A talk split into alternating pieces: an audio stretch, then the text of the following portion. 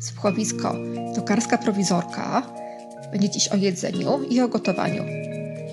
O tym, dlaczego jajowar jest genialnym wynalazkiem ludzkości, o blogu kulinarnym jako o biblijnym rzucaniu chleba mojego na wody płynące i o klątwie siódmego odcinka podcastu. Opowiem, jak nauczyć się gotować i czy możliwe jest szybkie przejście od kuchennego zera do bohatera. Oraz czy z mojego doświadczenia umiejętności kulinarne zwiększają szanse na udany związek. Będzie też o tym, czego nauczyłam się przez 5 lat prowadzenia poczytnego bloga kulinarnego, czym jest gastrofizyka, czy dobry cukiernik musi mieć zimne ręce i dlaczego food porn sprawia, że więcej jemy. Dowiecie się, dlaczego lepiej nie pić przez słomkę, nawet jeżeli nie jest ona plastikowa, oraz złotej radzie misia jogi, żeby pokroić pizzę na cztery kawałki, a nie na sześć, po sześciu nie dasz rady zjeść. Jeśli coś pójdzie nie tak, to jak pisała Niki Senit w sztuce gotowania, w razie czego zwalimy wszystko na piekarnik.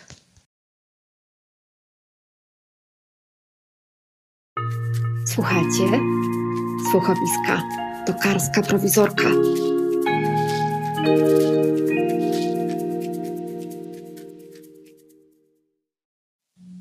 Poprzednim odcinku było o prostym życiu i o nawykach, które zmieniają się w rytuały.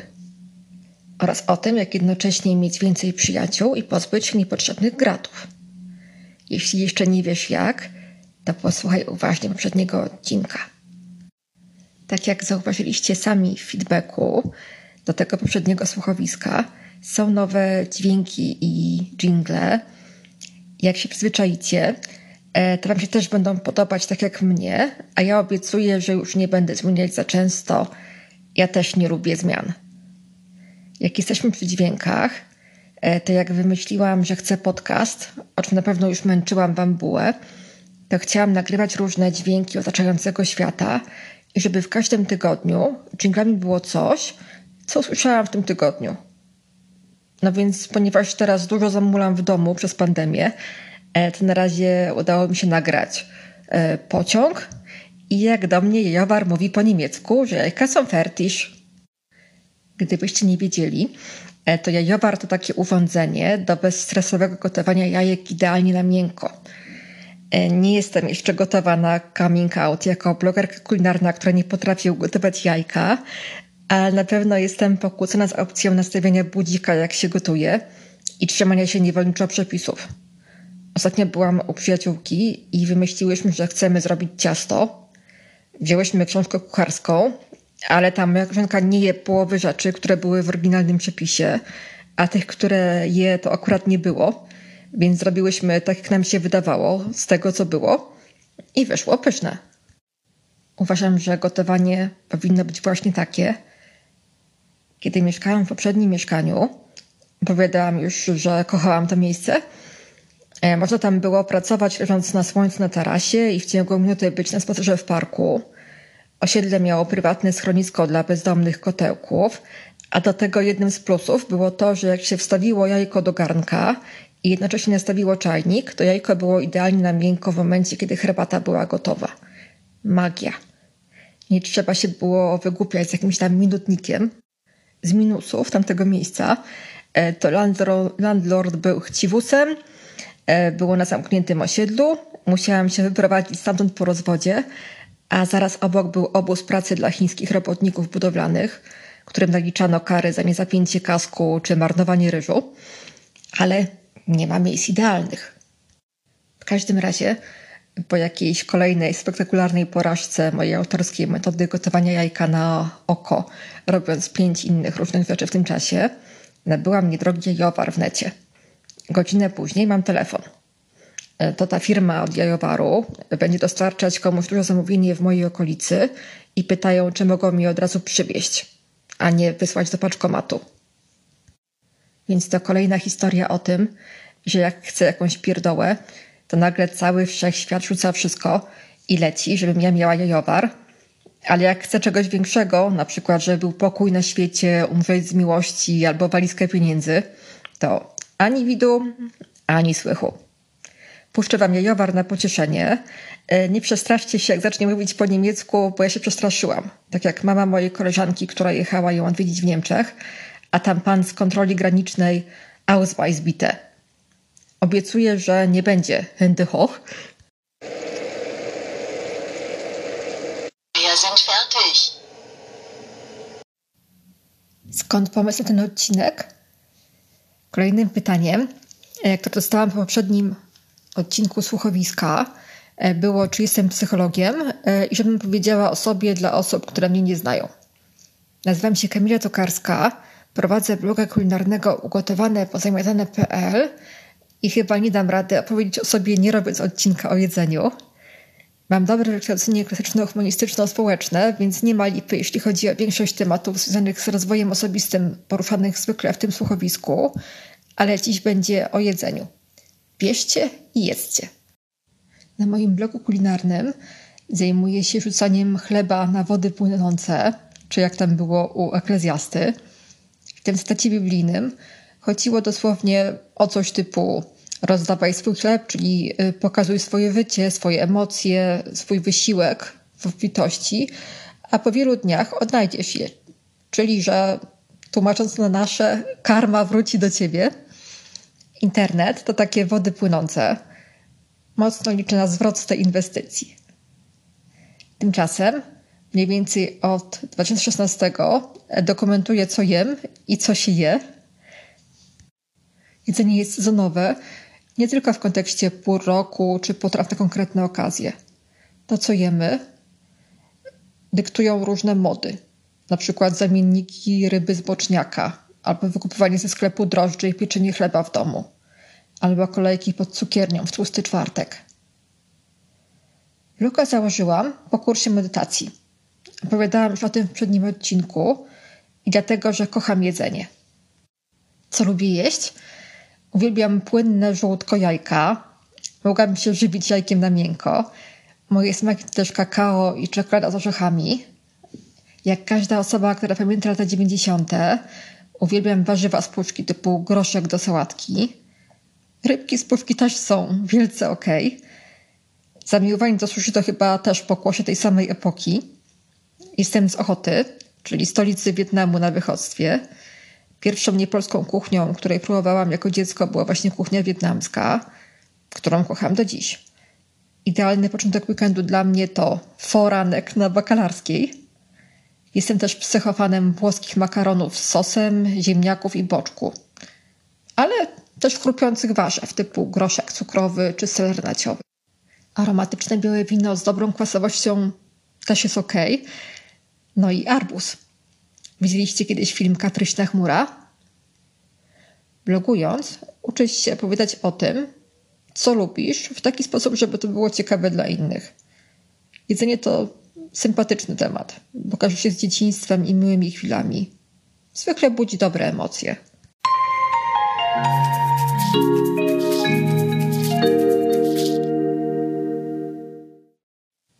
Prowadząc bloga, Dowiedziałam się sporo o kuchni sezonowej i o przemianach społeczno-kulturowych na polskim stole. Odkryłam mukbang, czyli oglądanie ludzi jedzących online, żeby mieć wirtualne towarzystwo i dowiedziałam się, kto jest autorem terminu food porn. Po raz pierwszy tego słowa użyto w recenzji książki kucharskiej Paula Bokiusa z lat 70., którą to książkę nazwano kosztowną gastropornografią – czy wiesz, że pierwsza na świecie izba wytrzeźwień powstała właśnie w Polsce? Duma. Albo, że oliwa z oliwek jest rocznikowa i należy ją spożywać jak najszybciej po zbiorach, a nie zostawiać na później jak dobre wino. Logowanie to też zastanawianie się nad oczywistymi z pozoru rzeczami, na przykład dlaczego na naszych stołach stoi zwykle sól i pieprz, a nie na przykład cytryny i sos chwili jak w innych krajach czego nauczyłam się o jedzeniu przez 5 lat prowadzenia poczytnego bloga kulinarnego. Nie liczcie na jakieś kompendium fekulorum XXI wieku, ale coś tam wiem. Nauczyłam się, że możliwe jest szybkie przejście od kuchennego zera do bohatera. Wystarczy wiedzieć, czego chcemy się nauczyć. Powodzenie gwarantuje wybór dobrego przepisu. Jeśli przepis jest dobry, to nie może nam się nie udać. Jeśli zrobimy coś raz i się uda, to już to umiemy. Są książki, które uczą gotować od jajecznicy do kuchni molekularnej.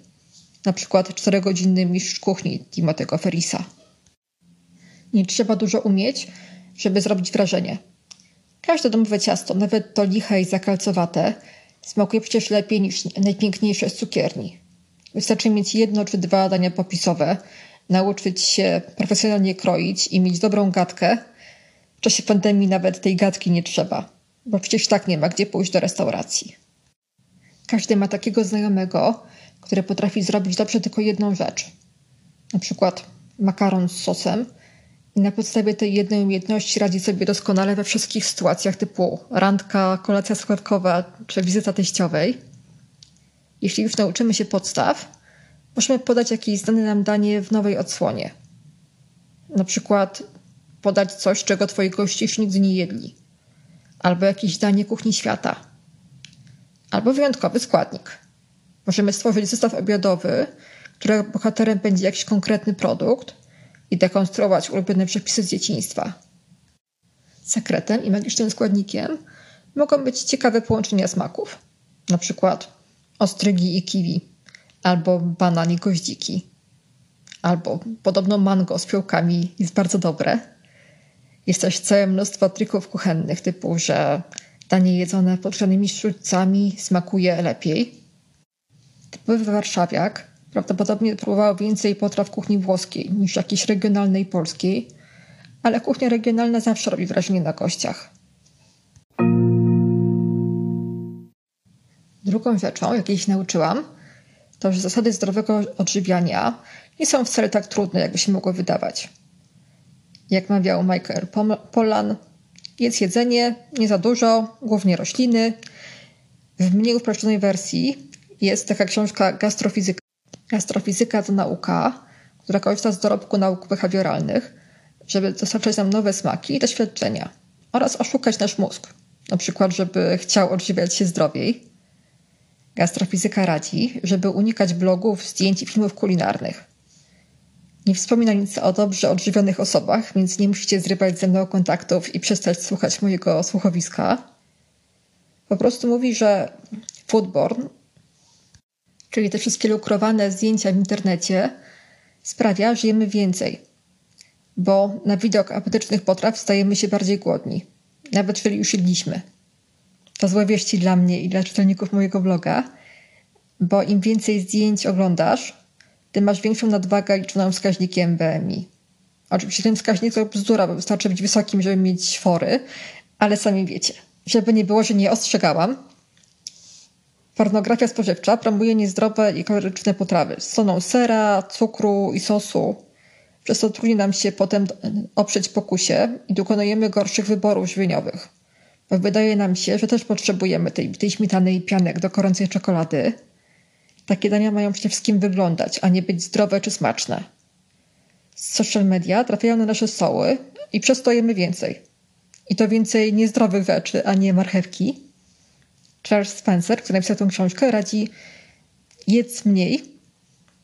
Thank you, Captain Obvious. Wiem, że potrzebowaliśmy profesora psychologii, żeby nam to powiedział. Ale żeby było łatwiej, należy stosować zasady typu co z oczu, to z serca. Jeśli nie będziemy mieć łatwego dostępu do jedzenia, to zjemy mniej. Można też spróbować jej z miseczki, którą będziemy trzymać w dłoni, żeby czuć jej ciężar.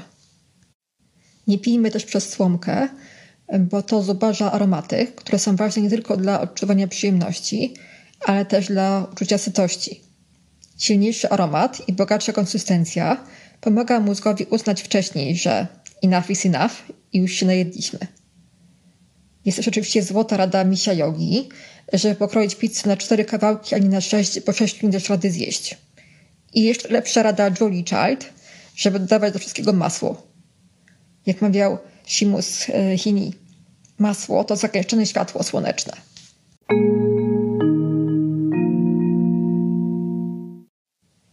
Wbrew pozorom taka wiedza ma bardzo praktyczne zastosowanie i to nie tylko dla szefów kuchni czy koncernów spożywczych, które chcą sprzedawać więcej produktów. Warto nauczyć się gotować, bo to ciekawy temat do dyskusji. A według badań amerykańskich naukowców nasze umiejętności kulinarne zwiększają szanse na udany związek. Nie jest to taka złota reguła. Na przykład ja robię najlepszą carbonarę ever i jakoś nie przekładać to na szczęście w miłości tak jeden do jednego. Ale jak się ma bloga, to jest chyba gorzej, bo trzeba się mierzyć z wyolbrzymionymi oczekiwaniami. Przy okazji, jak ktoś jeszcze nie słuchał, to polecam stary odcinek o randkach. W każdym razie, dzięki czynnościom, takim jak gotowanie, uczymy się bycia tu i teraz i relaksacji. Nie mówiąc już o umiejętności cieszenia się życiem i jego smakami. Przez gotowanie w ogóle można się wiele nauczyć, bo każda nowa umiejętność otwiera nam oczy na nieznany wcześniej świat. Gotowanie zachęca też do eksperymentowania i buduje świadomość, skąd w naszym życiu bierze się na przykład mięso, albo ile soli jest w polęcie i ile cukru jest w cieście.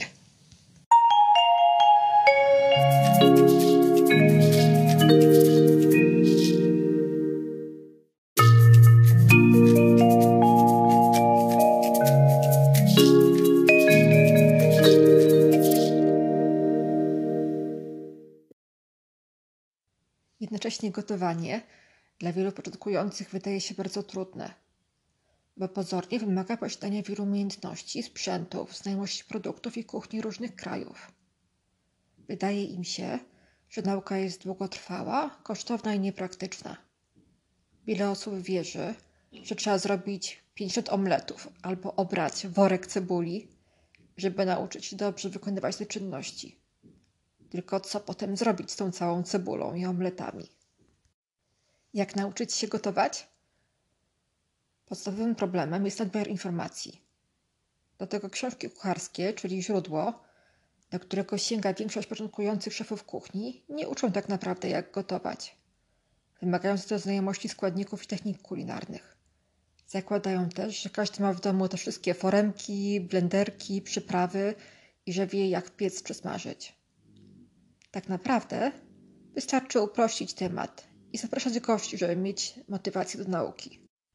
Przede wszystkim dużo gotuj, rób notatki i powtarzaj przepisy, żeby móc wyciągnąć wnioski. Próbuj nowych rzeczy, ale też wybaczaj sobie, jeżeli coś nie pyknie. Jak pisała Nikki Senit w sztuce gotowania. W razie czego zwal winę na piekarnik. Nikki Senit radzi też, żeby chodzić do dobrych restauracji i testować podpatrzone nowe smaki w domu. Za co nie warto zapisywać przepisów, a nie uczyć się ich na pamięć. Po pierwsze, zawsze mamy pod ręką internet, a po drugie, gotowanie to sztuka łączenia jej kreatywności, a nie podobnia za przepisem. To lateral cooking. To skupienie się nie tyle na składnikach, bo te można podmieniać i zastępować, ale na metodzie. To robienie rzeczy na zapas, bo robiąc z górką ciastem naleśniki na śniadanie, możemy wieczorem przerobić je na zupełnie inne danie. Takie gotowanie jest bardzo zero waste, bo możemy gotować z tego, co jest pod ręką i zastępować składniki.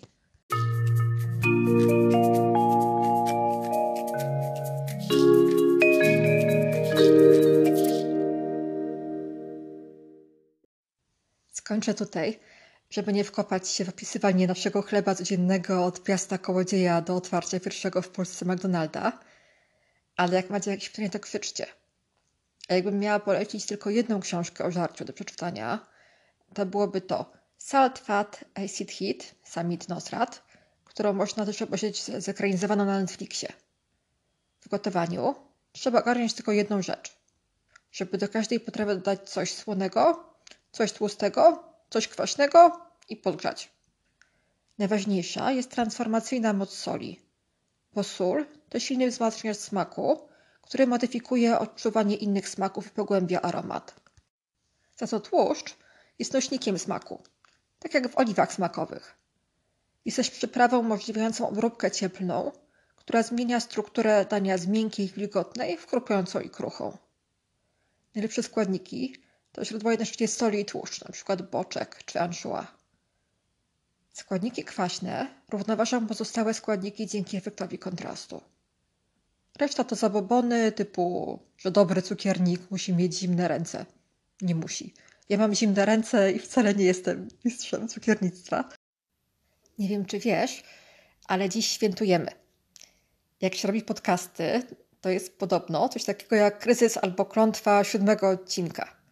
W sensie, że ktoś zaczyna nagrywać podcast, mija kilka odcinków, kończą się pomysły, albo nikt tego nie słucha.